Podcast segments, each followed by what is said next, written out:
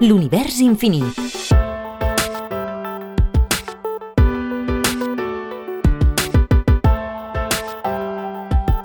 Agrupació Astronòmica de Sabadell.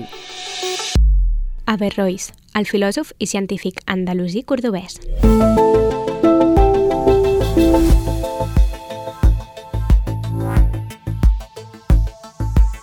Al món occidental, coneixem prou bé que Galileu va distingir entre la fe, que venia donada per allò escrit als textos sagrats, i el coneixement adquirit científicament, basat en l'observació i el raonament.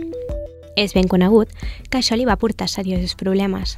Mig mil·lenni abans, el filòsof i científic andalusí Averrois havia plantejat aquesta mateixa dualitat, potser amb una separació menys explícita entre amb dues realitats, en allò que va ser conegut com la doble veritat.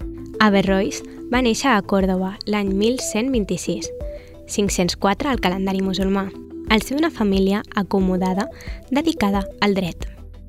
El seu pare i el seu avi van ser cadis suprems de Còrdoba, governadors jutges del territori musulmà. Averrois també va formar-se en dret, àmbit en el que va progressar ràpidament, però a més va estudiar teologia, matemàtiques, medicina i astronomia. En suma, filosofia.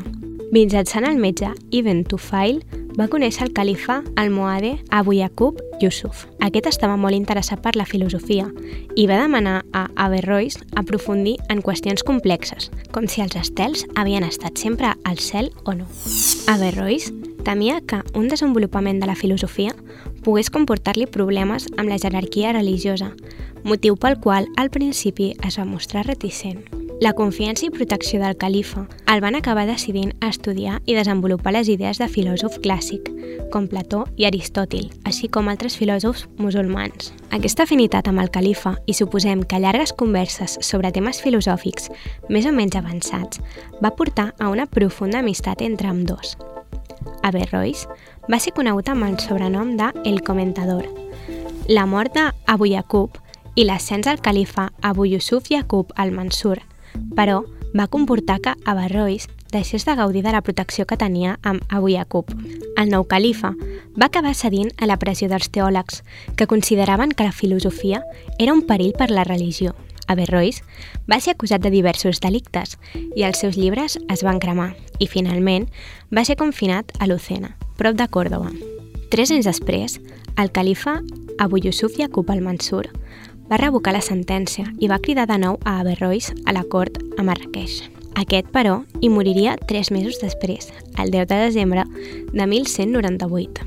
Com hem dit, Averrois va treballar en molts i diversos àmbits, creia que la filosofia havia de dedicar-se a l'estudi racional i reflexiu de l'univers. La veritat és única i, per tant, no havia d'existir una oposició entre filosofia i religió. Però entre les diverses vies per arribar a la veritat, la suprema, que era demostrativa i racional, era la filosofia. Les altres vies podien ser vàlides, però insuficients per conèixer la veritat.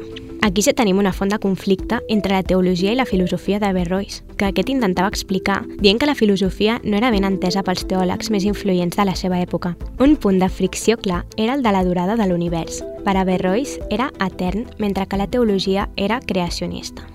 Aquestes divergències van causar que Averrois hagués de viure els últims anys a l'exili, d'on només va sortir els darrers tres mesos.